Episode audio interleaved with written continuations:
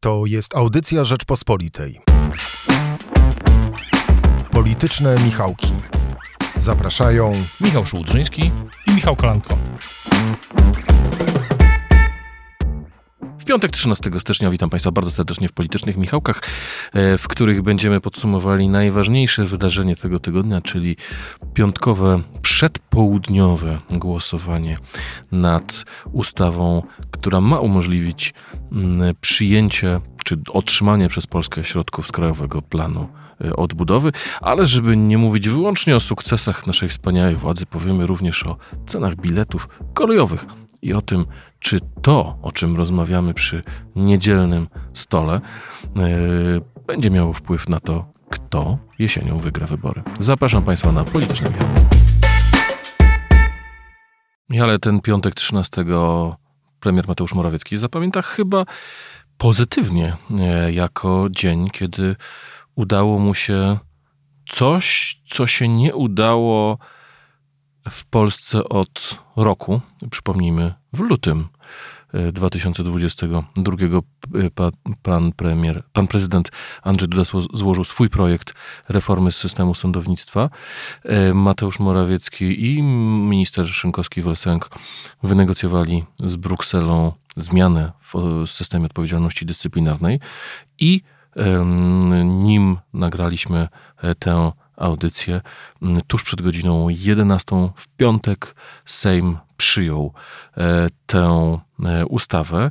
Bardzo ciekawie rozkładały się głosy, ponieważ ustawa przeszła 203 głosami. Wstrzymało się prawie 190 posłów. E, większość posłów Koalicji Obywatelskiej, Lewicy i Koalicji Polskiej. Przeciwko byli posłowie Solidarnej Polski, e, sześciu posłów Lewicy, cały klub Konfederacji i cały klub Szymona Hołowni Polska 2050. Jeśli chodzi o Platformę Obywatelską, 122 posłów Koalicji Obywatelskiej wstrzymało się od głosu, 35 posłów Lewicy wstrzymało się od głosu, 22 posłów Koalicji Polskiej, czyli PSL-u e, i przystawek wstrzymało się od głosu, porozumienie całe wstrzymało się od głosu. Jak rozumiesz tę sejmową arytmetykę? Rzeczywiście dzisiaj myślę, że premier Morawiecki może, może uznać KPR-em i premier Morawiecki może uznać ten dzień za udany. Oczywiście z, duży, z wieloma zastrzeżeniami, ale jednak, bo okazuje się, że można mieć w tym Sejmie 203, 203 głosy, to już wystarczy, żeby przeforsować no, bądź co bądź bardzo kontrowersyjny projekt, który był krytykowany ze, zewsząd w tym tygodniu, również ze strony e, na, Naczelnego Sądu Administracyjnego, który ma teraz przejąć e, sądownictwo dyscyplinarne sędziów.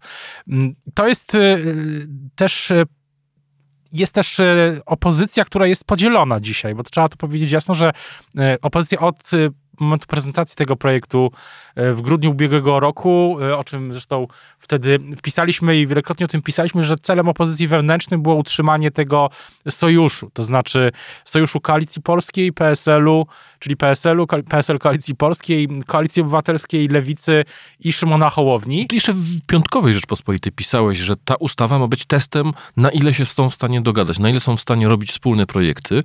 Oczywiście było duże zaskoczenie w tym tygodniu, ponieważ mieliśmy konferencję prasową Hanny Gil-Piątek z koalicji, e, z, Polski 2050. Był Borys Budka, był przedstawiciel e, PSL-u i przedstawiciel Lewicy, gdzie mówili, że będą grali razem.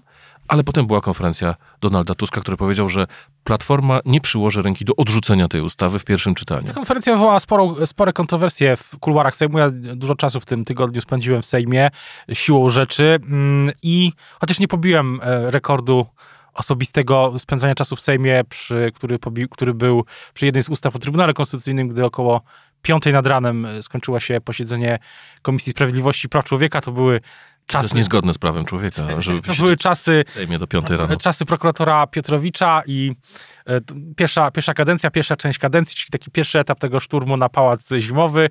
Mm, a teraz już e, wszystko kończy się trochę wcześniej. O 1.30 e, Komisja Sprawiedliwości i Praw Człowieka w tym tygodniu zakończyła pracę, o ile się nie mylę. No i w tym w Sejmie no, było słychać takie mm, może no, konsternację tą konferencją Donalda Tuska, bo rzeczywiście najpierw, ale o co chodzi? Bo najpierw była ta konferencja, o której ty mówisz I opozycja Wszyscy mówi, że liderzy klubów opozycyjnych, tak zwanej opozycji demokratycznej, jak się nazywają. cztery, cztery partie mówią, że, że będą grać razem, a później Donald Tusk mówi trochę w tym stylu, że tu Platforma, zostało to odebrane przez inne partie, że Platforma zdecydowała, że tej ustawy nie można y, odrzucić, że trzeba się co najmniej wstrzymać. Tak powiedział, tak to zabrzmiało, tak to odebrali moi rozmówcy z innych partii opozycyjnych i byli bardzo tym z- zirytowani, że Donald Tusk e, mm, tak, e, tak zagrał, że chciał znowu pokazać, że Platforma, tak zostało to odebrane, że pokazywał, że Platforma swoją dominację potwierdza na opozycji, że ona decyduje o tym, że trzeba się wstrzymać. Jednak Albo dwie osoby Donalda Tuska nie posłuchały, to Kamila Gasiuk-Pichowicz i Henryka Krzywonos, które zagłosowały przeciwko tej ustawie. To jest, y, nie ma zaskoczeń, jeśli chodzi o Kamila Gasiuk-Pichowicz, która jest, y, myślę, że y, no, bardziej wyrazistych postaci, jeśli chodzi o całą tą, od lat, o, jeśli chodzi o praworządność, tutaj nie ma zaskoczeń, że była przeciwko. Zobaczymy, jak to wpłynie też na miejsca, y, czy to będzie miało wpływ na y, debatę o listach wyborczych w Platformie. Ta debata już tam powoli trwa, zresztą chyba jak w każdej partii. Mm, Natomiast wracając do samego głosowania, że opozycja się podzieliła, nie utrzymała tego sojuszu. Wczoraj późnym wieczorem były już takie nieoficjalne informacje właśnie z kuluarów Sejmu, że mm, Szymon Hołownia, jego koło parlamentarne, siedmioro posłów e, się sprzeciwi ustawie, że nie jest, że posłowie nie są w stanie poprzeć m, tej ustawy, którą uznają właśnie za niekonstytucyjną. Ja tu myślę, że Szymon Hołownia obstawia taki scenariusz, w którym Komisja Europejska e, ostatecznie tych środków na podstawie tej ustawy niejako nie przyznaje i wtedy Hołownia będzie mógł powiedzieć, że miał rację, a mylili się partnerzy z opozycji. Natomiast no, niewątpliwie e, wartością przez ten ostatni miesiąc było to, że te poprawki były wspólne, że to było w miarę wydyskutowane. No wydaje się, że dzisiaj, dzisiaj opozycja trochę wróciła do punktu wyjścia. I to moim zdaniem, y, jeśli trzeba było kolejnego argumentu na rzecz tego, że nie będzie wspólnej listy opozycji, to myślę, że dzisiaj e, jest jeszcze jeden argument e, na rzecz tego, że tej wspólnej listy nie będzie. Ja uważam, nie będzie, zresztą ja uważam, że w ostatnich e, dniach e, to widmo tej wspólnej listy niejako się jeszcze bardziej oddaliło. Już politycy oficjalnie zaczęli przyznawać e, lewicy na przykład, że, że to jest coraz mniej prawdopodobne. I myślę, że wkrótce mam takie poczucie, że wkrótce Platforma też no, mniej czy bardziej oficjalnie to ogłosi. Oczywiście w kuluarach też krąży ten scenariusz listy PO, PSL, e, Hołownia, ale mam też poczucie, że i po dzisiejszym dniu, że tak się wyrażę, i w ogóle, że to jest w ogóle, ten scenariusz jest mało mm, prawdopodobny, tak czy owak. E, Zostaje tylko takie pytanie, z kim się dogada PSL, czy z Hołownią, czy z innymi podmiotami mm, i jaka będzie ta konsolidacja na tej centroprawicowej mm, flance, że tak się Dla mnie tutaj sytuacja jest prosta. Jeżeli Szymon Hołownia będzie miał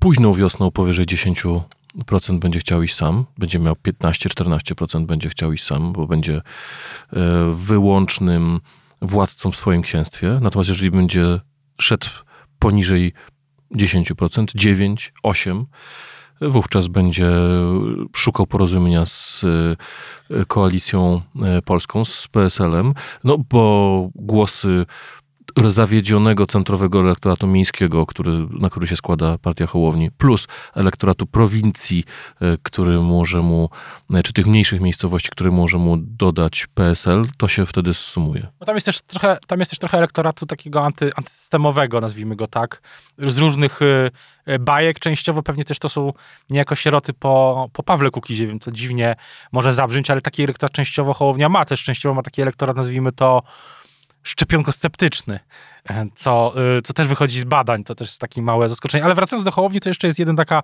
dykteryjka, która chodzi po Sejmie, że Szymon Hołownia będzie szedł sam, mm, y, dopóki będzie miał powyżej 10%, a jeśli będzie miał 7%, to uzna, że to szwindel i że ma na pewno 10% lub więcej. Taka jest, taka, takie, taka opowiastka chodzi, taka dykteryjka chodzi po Sejmie, ale też z badań różnych Myślę, że, że Hołownia też y, mm, można by postawić taką tezę, że pewnie ma duży potencjał wzrostu. I to też chyba na to też Hołownia liczy, że w kampanii by się udało samodzielnie idąc no, zdobyć trochę nowych wyborców y, i mieć na przykład 15%, a nie 11%. Szczególnie, że Hołownia i jego partia, czy przynajmniej Szymon Hołownia i jego partia udowodnili, że jak to się mówi w slangu, umią w internety. Ale teraz, tylko właśnie wracając do tego głosowania jeszcze, że dzisiaj Hołownia ustawił się niejako na tej super twardo purystycznej flance. Znaczy, oprzed platformę z innej strony. Platforma się wstrzymuje, Hołownia jest przeciw. Wszyscy... No bo ja, ja słyszałem od posłów y, na przykład y, PSL-u, którzy mówili, a ten Hołownia w ogóle nie panuje nad swoimi ludźmi, wejdą do Sejmu, połowa z nich wyląduje w klubie PiS. Więc rozumiem, że to było właśnie pokazanie, nie, nie, my jesteśmy ci twardzi antypisowcy. Na, na Twitterze jest sporo, jest wielu zwolenników y, takiego y, kursu właśnie trzeba być przeciwko wszystkiemu, tak? I dzisiaj od dziwo Hołownia właśnie na tej flance się ustawił. To trzeba przyznać, że e, no jest, polityka bywa, bywa, bywa taka mm, nieoczywista. Michale, chciałem cię zapytać o, bo, bo wspomniałeś o konsternacji wywołanej zachowaniem Donalda Tuska wśród liderów pozostałych partii opozycyjnych.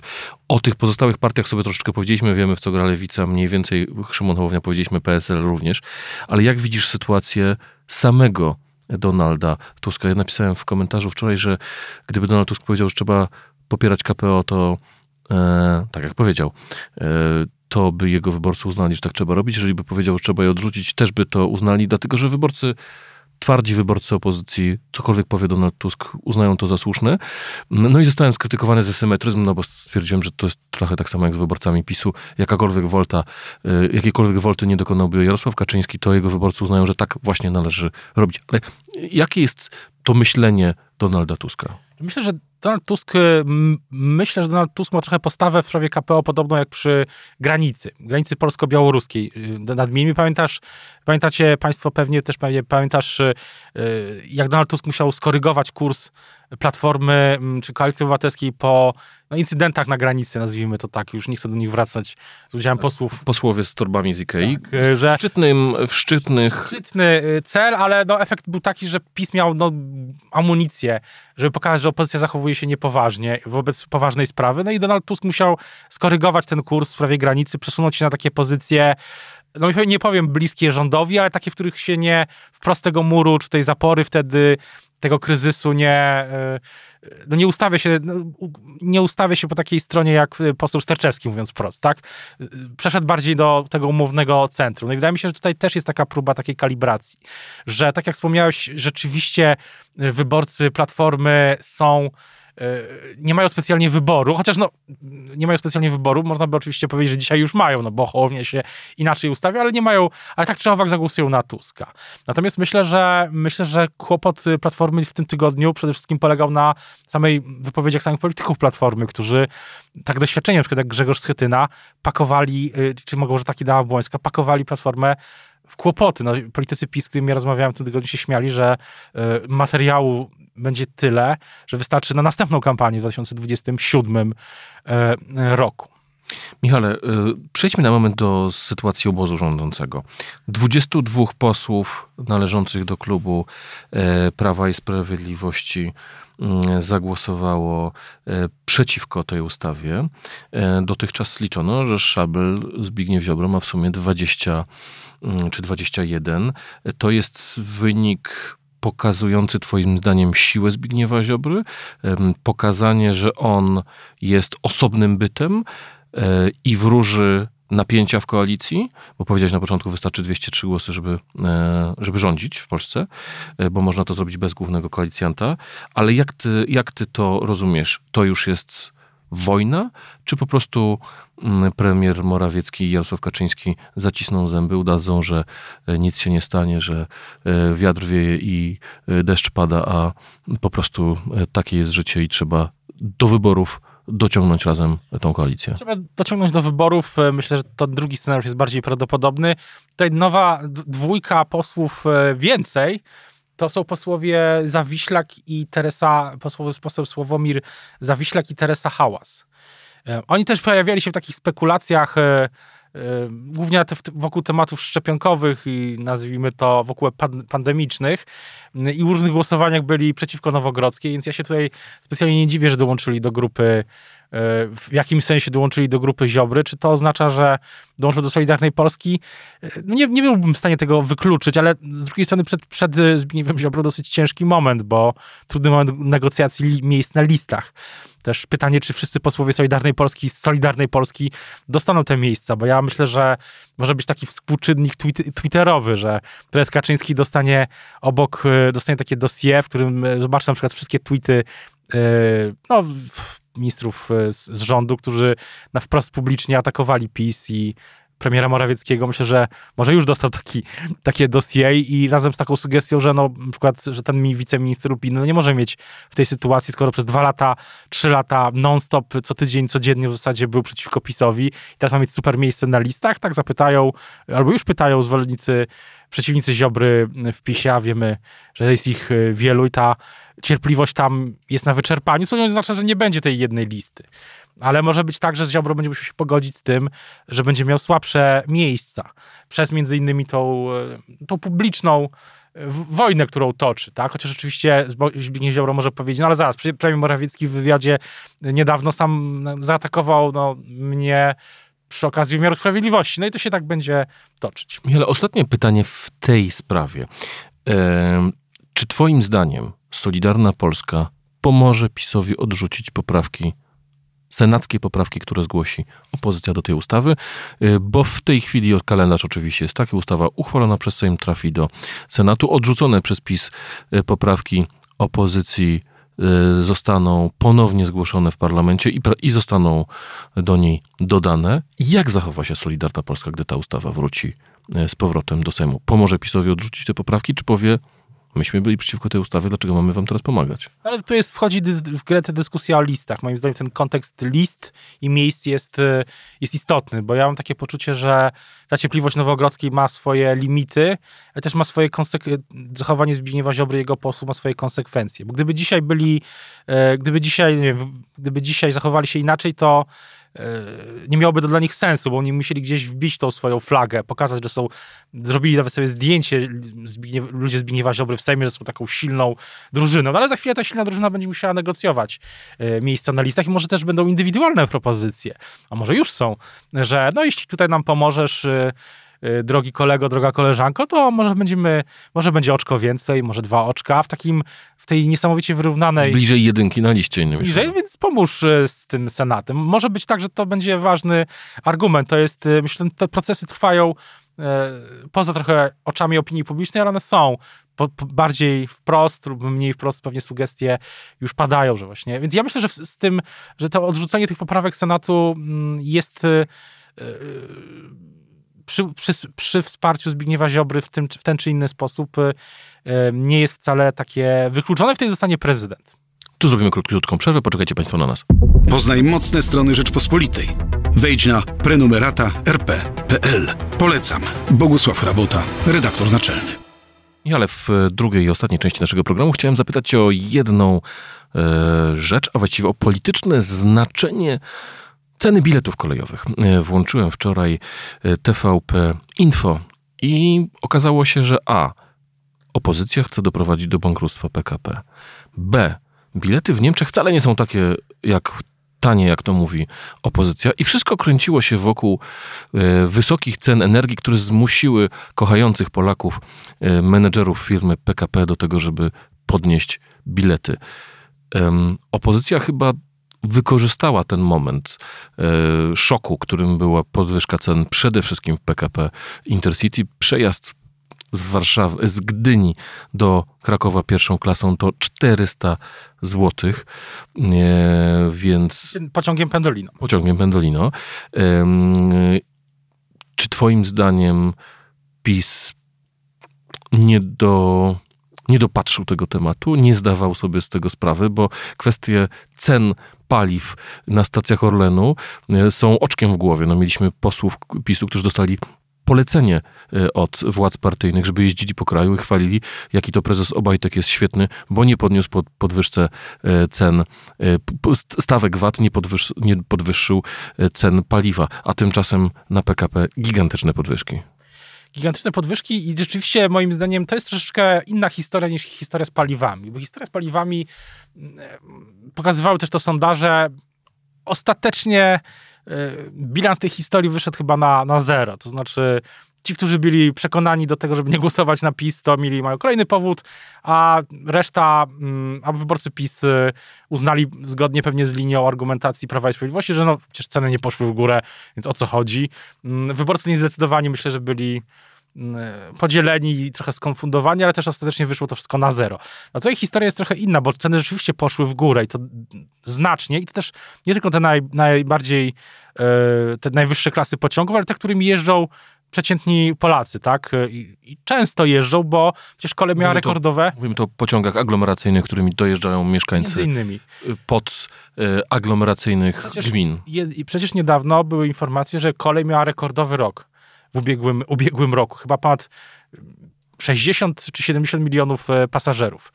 Co oczywiście brało się z wysokich cen paliwa i pamiętamy mm, e, późną, późną wiosnę, gdy się okazało, że ludzie masowo przesiedli się z samochodów do pociągów, e, żeby dojechać na przykład na ferie, wakacje czy, czy, czy inne miejsce. No i teraz teraz wydaje się, że opozycja, po pierwsze, że opozycja też była dobrze do tego przygotowana. Nie, oczywiście tutaj najlepiej spozycjonowana była mm, lewica z komponentem partii, partii Razem. Y, posłanka Paulina Matysiak, y, poseł Zandberg y, robili myślę furorę w tym tygodniu z sejmowej mównicy i w mediach to było widać wyraźnie też na Twitterze, zwłaszcza też posłanka Matysia, która się specjalizuje w tematach transportu zbiorowego i jest... I punktuje wszystkie zamykane. PKS, likwidowane linie kolejowe. Tak, była taka historia, że mm, właśnie w jednym z programów publicystycznych to też taki klip chodził po Twitterze, zaskoczyła jednego z polityków PiSu tym właśnie zamykaniem PKS-ów. Bankructwem lokalnego, tak. Że się zamy, zamykają PKS-y, no to było, jak to mówiło, mówi się w slang, slangowo, zaorane. No i rzeczywiście wydaje się, że opozycja zaorała trochę PiS w tej sprawie. Były bardzo nieskładne tłumaczenia, no i ta absurdalna, no po prostu śmieszna linia, o której mówiłeś e, z pasków TVP Info, no ceny biletów w Niemczech, to, to jest takie przejaskrawienie już do maksimum tego zwykłego, takiego no, tradycyjnego, e, tradycyjnego e, podejścia. Tak było w pandemii, tak było takie ze wszystkim. A, bo w Niemczech, we Włoszech, we Francji to przecież jest gorzej. Polsce dużo, wielu, umarło wielu, wiele osób, nam jest przykro, ale przecież w Niemczech czy gdzieś tam jest jeszcze gorzej. I tak jest ze wszystkim. No, a teraz... Biedny korespondent TVP w Berlinie musiał pozować na tle y, stacji kolejowych i tłumaczyć, że są różne ceny, są bilety tańsze, są bilety e, droższe i y, po prostu rozmaite ceny. Tak, no i generalnie w tym, w tym momencie właśnie, w tym momencie moim zdaniem ta, ta, ta przy biletach kolejowych ta, to zostało podniesione już do rangi takiego yy, absurdu. No i też się yy, to wszystko moim zdaniem zemści na Prawie i Sprawiedliwości, bo w wyborach yy, sądzę, że ten temat będzie wracał, wszyscy będą jeździć pociągami. To jest to, o czym mówimy przy niedzielnym stole tak. w rodzinie. Jak było drogo dojechać do babci, do dziadka, jak dziadek czy babcia musiały zapisać, płacić dużo pieniędzy za to, żeby pojechać na, do wnuczka czy do wnuka, ale powiem jeszcze jeden, mm, jedną rzecz, że Prawo i Sprawiedliwość też ma co do wakacji, tych wszystkich podróży, ma też jeden, e, ma też jedno, jeden argument, który będzie mogło wykorzystywać w zupełnie innej sprawie, to na koniec. Myślę, że sztabowcy PiSu liczą na to, że Polacy niekoniecznie pociągiem, ale pojadą też jak zwykle bardzo często będą jeździć do Chorwacji i że zobaczą tam, że jest drożej i przywiozą takie wspomnienia z wakacji, że teraz jest euro w Chorwacji i jest Był drożej. trzeci powtarzający się materiał w TVP Info wczoraj o tym, jak zrujnowana jest Chorwacja cenami paliw. Bardzo Państwu dziękujemy za Dziękuję uwagę. Bardzo. Dziękuję Tobie, Michale. I oczywiście my też dołączamy się e, do zaproszenia, aby wejść na stronę czytaj.rp.pl i wykupić subskrypcję Rzeczpospolitej, dzięki której możliwe jest nagrywanie naszych podcastów. Do usłyszenia. Do usłyszenia. Słuchaj więcej na stronie podcasty.rp.pl. Szukaj Rzeczpospolita Audycje w serwisach streamingowych. Poznaj mocne strony Rzeczpospolitej. Wejdź na prenumerata rp.pl. Polecam. Bogusław Rabota, redaktor naczelny.